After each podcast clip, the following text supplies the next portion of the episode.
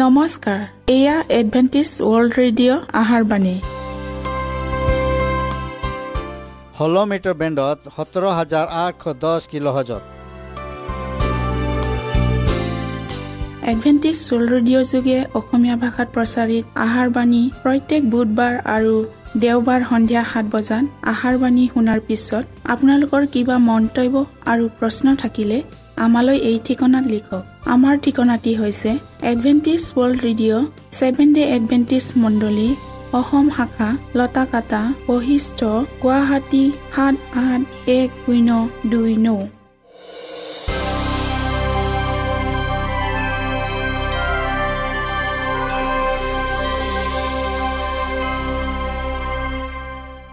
প্ৰিয় শ্ৰোতা বন্ধুসকল এতিয়া শুনো আহক এটি খ্ৰীষ্টীয় ধৰ্মীয় গীত।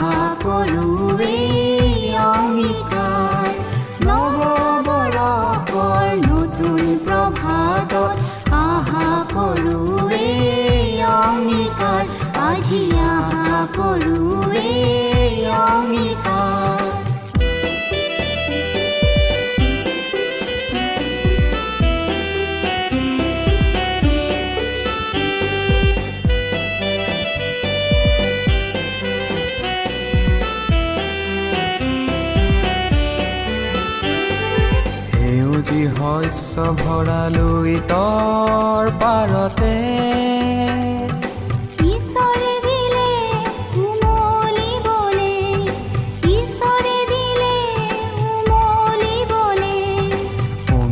মাধুৰী সানি প্ৰেমৰ বাণীৰে।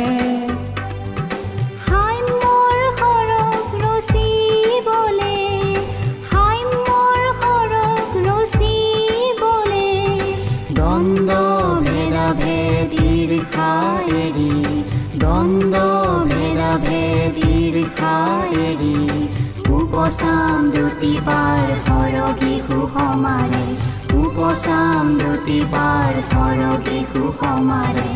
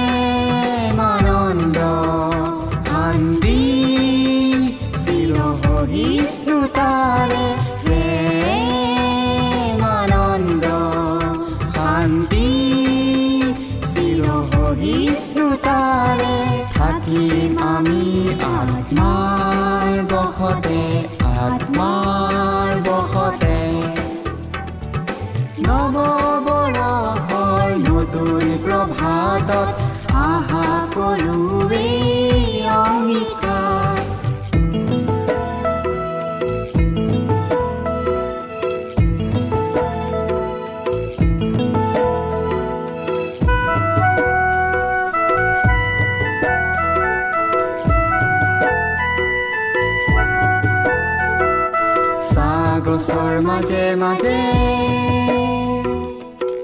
মাদুলৰ তালে তালে গছৰ মাজে মাজে মাদুলৰ তালে তালে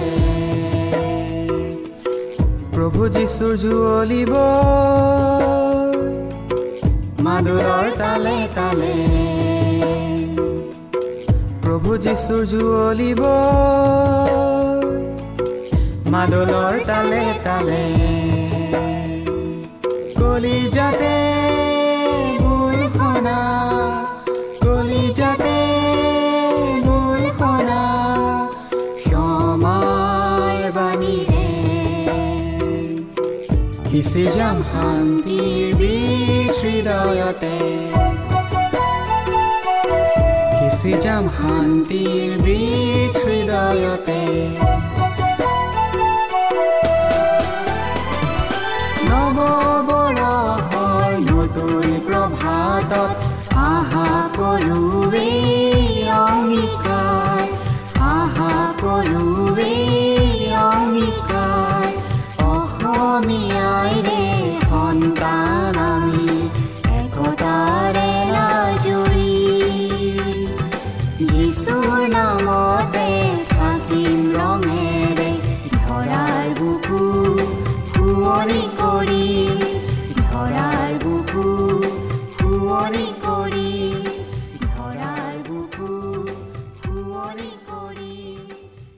প্ৰিয় শ্ৰোতা বন্ধুসকল আহক আমি খন্তেক সময় বাইবেল অধ্যয়ন কৰোঁ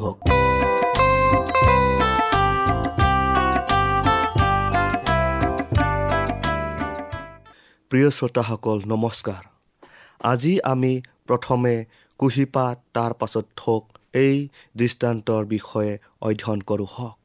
শাস্ত্ৰপাত হৈছে মাৰ্ক চাৰি অধ্যায়ৰ ছাব্বিছ পদৰ পৰা ঊনত্ৰিছ পদলৈ।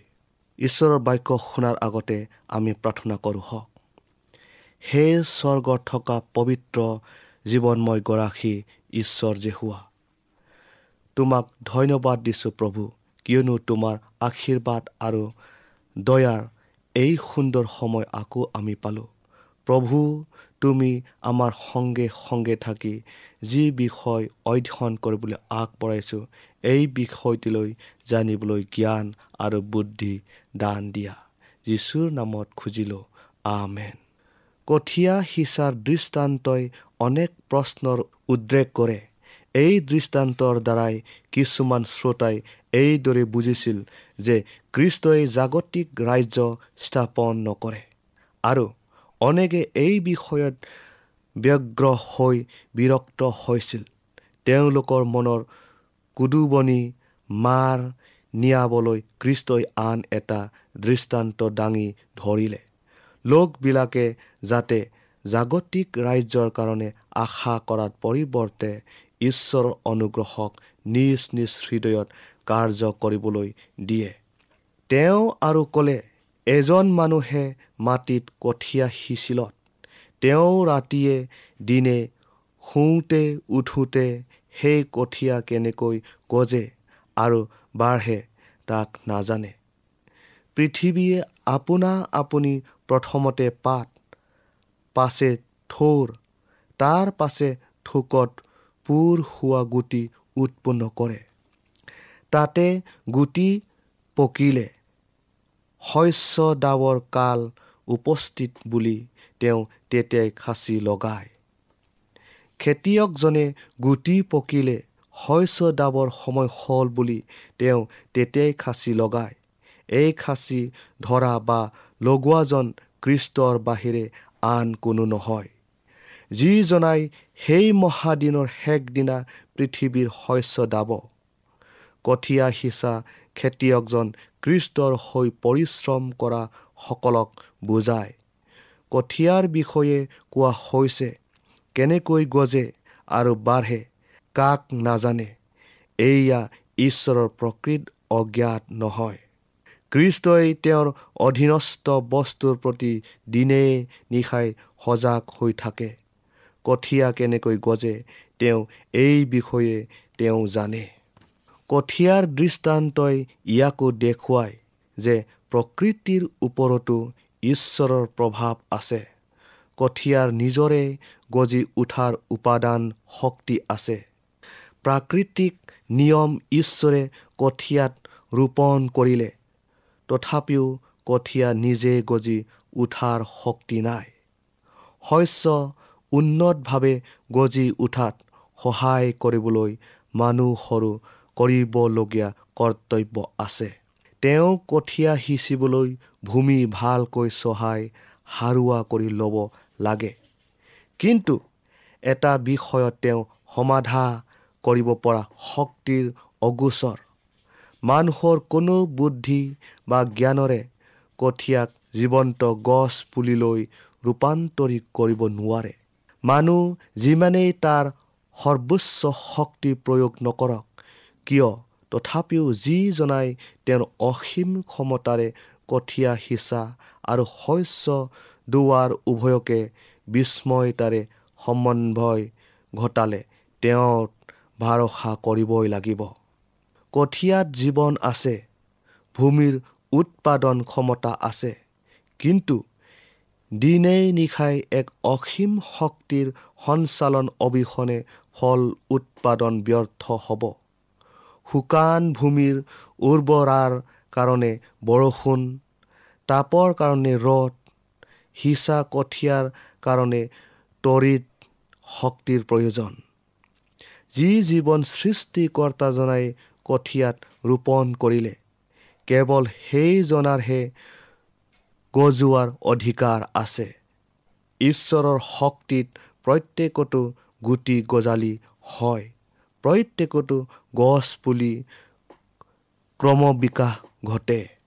যিচয়া একষ্টি অধ্যায়ৰ এঘাৰ পদত কৈছে কিয়নো পৃথিৱীয়ে যেনেকৈ নিজ গছবোৰৰ কলি মেলায় আৰু বাৰীয়ে যেনেকৈ তাত ৰোৱা সকলোকে গজায় তেনেকৈ প্ৰভু যীশুৱাই সকলো জাতিবিলাকৰ সাক্ষাতে ধাৰ্মিকতা আৰু প্ৰশংসা উন্নত কৰিব।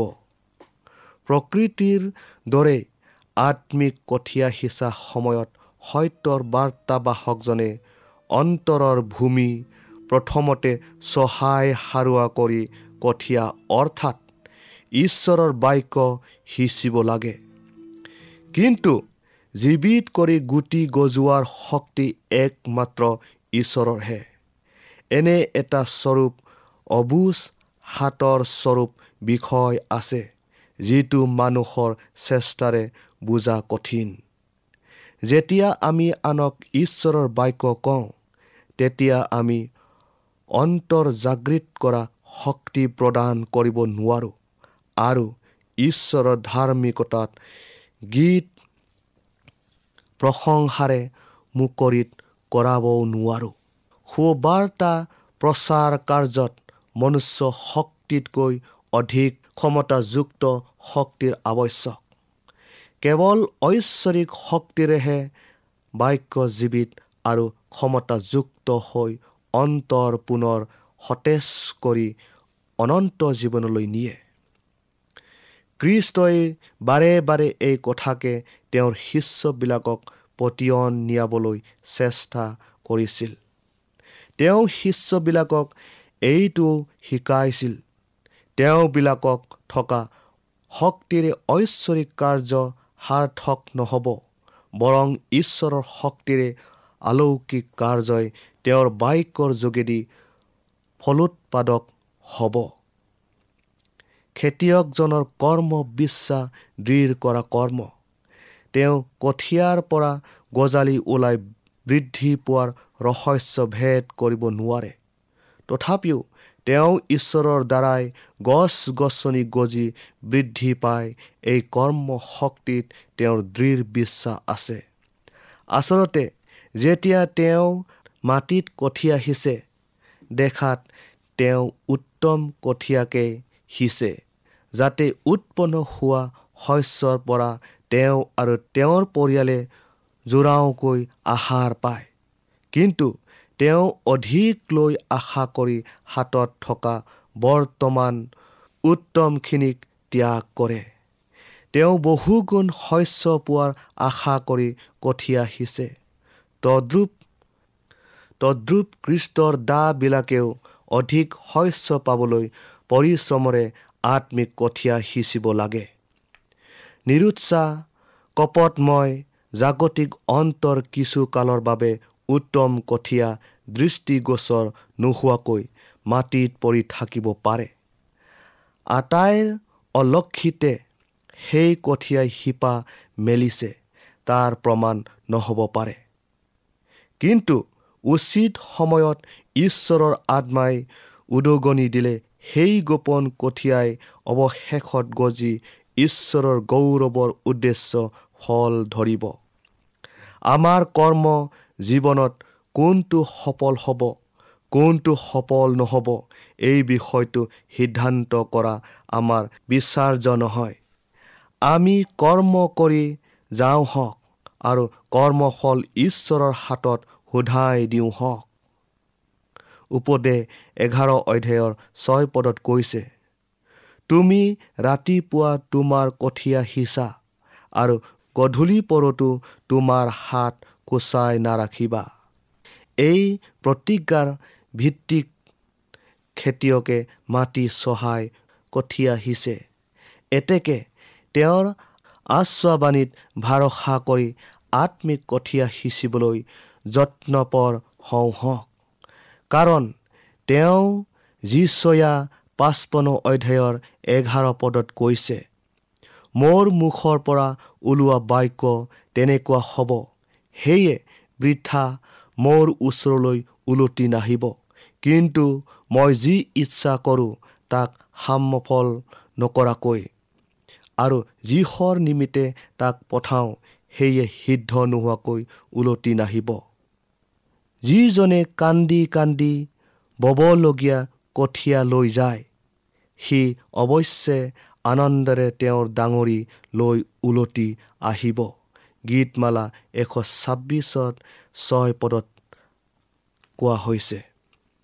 প্ৰিয় শ্ৰোতাসকল কঠীয়াৰ পৰা অংকুৰ হৈ ওলোটোৱাটো আত্মিক জীৱনৰ আৰম্ভণিক বুজায় আৰু গছপুলি হৈ সুশ্ৰী গড় লৈ বাঢ়ি ডাঙৰ হোৱাত অৰ্থ হ'ল ঐশ্বৰিক বিষয়ত বৃদ্ধি পোৱা। প্ৰকৃতিৰ বিধিৰ দৰে অনুগ্ৰহটো বাঢ়ি বৃদ্ধি নোহোৱাটো জীৱনহীন সেয়েহে গছপুলি হয় জীৱ লাগে নহয় মৰিব লাগে। গছপুলি গজি যেনেকৈ নীৰৱে আৰু কৌতুলতাৰে বাঢ়ি আহে তদ্ৰুপ ঈশ্বৰ বিশ্বাসীৰো জীৱন বিকাশ হয়। প্ৰত্যেক স্তৰৰ আমাৰ আত্মিক জীৱন বিকাশত নিকুট হয় আৰু ঈশ্বৰৰ উদ্দেশ্য আমাৰ প্ৰতি সিদ্ধ হয়। তেন্তে ফলপূৰ্ণ হোৱাত আৱশ্যক অব্যাহত হৈ থাকিব। পবিত্ৰকৰণ জীৱিতাৱস্থা কৰ্ম। তেহে আমাৰ সৎ চিন্তা সৎ জ্ঞান আৰু সৎ অভিজ্ঞতাৰে পৰিপূৰ্ণ হ'ম। ইয়াৰ উপৰিও আমাৰ দায়িত্ব বহনত আমি সক্ষম হ'ম। আৰু আমাৰ প্ৰাপ্য অধিকাৰৰ অংশীদাৰ বুলি গণ্য হ'ম। ঈশ্বৰৰ ৰক্ষিত জীৱনদানৰ দ্বাৰাই গছ পুলি বাঢ়ি উঠে আৰু ইয়াৰ শিপাবোৰ মাটিৰ তললৈ সোমাই যায়। সূৰ্যৰ কিৰণ নিয়ৰ বৰষুণ বতাহৰ পৰশত গছ লহপহকৈ গজি উঠে। সেইদৰে ঈশ্বৰ বিশ্বাসীজনেও ঐশ্বৰিক কৰ্তৃত্বজনাৰ সৈতে জড়িত হৈ বৃদ্ধি পাই যাব লাগে। আমি আমাৰ নিসহায়তা অনুভৱ কৰি এটা পূৰ্ণ বিকশিত অভিজ্ঞতা লাভ কৰিবলৈ স্বৰ্গীয় বৰবোৰলৈ হাবিয়া কৰোঁ হওক। গছপুলিয়ে যিদৰে মাটিৰ তলত শিপায় সেইদৰে আমিও কৃষ্টত গভীৰভাৱে শিপাওঁ হওক। গছপুলিয়ে সূৰ্যৰ কিৰণ নিয়ৰ বৰষুণ বতাহ পাই জীয়াই থকাৰ দৰে জীয়াই থাকিবলৈ পবিত্ৰ আত্মাৰ অনুকূলে আমাৰ অন্তৰ মুকলি কৰি দিওঁ হওক। এনে কৰ্ম আমাৰ শক্তি বা পৰাক্ৰমৰ দ্বাৰাই নহয়। কিন্তু মোৰ আত্মাৰ দ্বাৰাইহে ইয়াক বাহিনীবিলাকৰ জিহুৱাই কৈছে। জখৰীয়া চাৰি অধ্যায়ৰ ছয় পদত আমি যদি আমাৰ মন কৃষ্টলৈ স্থিৰে ৰাখোঁ তেন্তে তেওঁ আমাৰ ওচৰলৈ বৃষ্টিৰ নিচিনাকৈ ভূমিত ভিজাওঁতা শেহতীয়া বৰষুণৰ নিচিনাকৈ আহিব। আপুনি যেতিয়া কৃষ্টৰ আত্মা পায় অৰ্থাৎ আনৰ প্ৰতি যত্নবান হোৱা আৰু নিস্বাৰ্থ প্ৰেমৰ আত্মা পায় তেতিয়া আপুনি গছ পুলিৰ দৰে বৃদ্ধি পাই ফল উৎপন্ন কৰিব। অনুগ্ৰহৰ আত্মাই আপোনাৰ গুণবোৰ সম্পূৰ্ণ কৰিব। আপোনাৰ বিশ্বাস দৃঢ় হ'ব। ভুল ভ্ৰান্তিবোৰ গভীৰতাৰে গমিব। পাৰিব। আৰু প্ৰেম নিভাজ হ'ব। পবিত্ৰ মহৎ আৰু সৌন্দৰ্যৰে কৃষ্টৰ সাদৃশ্যত অধিক অধিককৈ একত্ৰিত হ'ব। প্ৰিয় শ্ৰোতাসকল কিন্তু প্ৰেম আনন্দ শান্তি চিৰসহিষ্ণুতা মৰম মংগল ভাৱ বিশ্বাস মৃদুভাৱ ইন্দ্ৰিয় দমন এই সকলো আত্মাৰ ফল। এই ফলবোৰ কেতিয়াও বিনাশ নহয় বৰং অনন্ত জীৱনৰ অৰ্থে ডাবৰ বাবে বিধে বিধে ফল ধৰিব। তাতে গুটি পকিলে শস্য ডাবৰ কাল উপস্থিত বুলি তেওঁ তেতিয়াই খাচি লগায়। সেয়েহে খ্ৰীষ্টেও নিজকে মণ্ডলীত প্ৰকাশ কৰিবলৈ অধিক আগ্ৰহেৰে অপেক্ষা কৰি আছে। আৰু যেতিয়া খ্ৰীষ্টৰ সৈতে নিহিত হৈ থকা আমাৰ জীৱন আমাত নিখুঁতভাৱে পোন সৃষ্টি হ'ব তেতিয়াই তেওঁ আমাক নিজৰ বুলি অধিকাৰ সাব্যস্ত কৰিবলৈ আহিব। প্ৰত্যেকজন ঈশ্বৰ বিশ্বাসীৰ কেৱল বাট চাই থাকিবলৈ নহয় কিন্তু আমাৰ প্ৰভু যীশুৰ আগমন যেন সোনকালে হয় তাৰ বাবে নিজেও প্ৰস্তুত হ'ব লাগে। তেওঁ গ্ৰহণ কৰা সকলে তেওঁৰ গৌৰৱৰ উদ্দেশ্য ফল উৎপাদন কৰা হ'লে কিমান সোনকালে সমগ্ৰ জগতখনতে সুবাৰ্তাৰ কঠীয়া সিঁচা হ'লহেঁতেন। শস্য পকিলে শীঘ্ৰে শেষ শস্য দোৱাৰ কাৰ্য সমাপ্ত হ'ব। আৰু মূল্যৱান শস্য গোটাবলৈ কৃষ্ট আহিব। প্ৰিয় শ্ৰোতাসকল এইটোৰ দৃষ্টান্তৰ বিষয়ে আজি আমি ইয়াতে সামৰিলোঁ। ঈশ্বৰে আপোনালোকক আশীৰ্বাদ কৰক।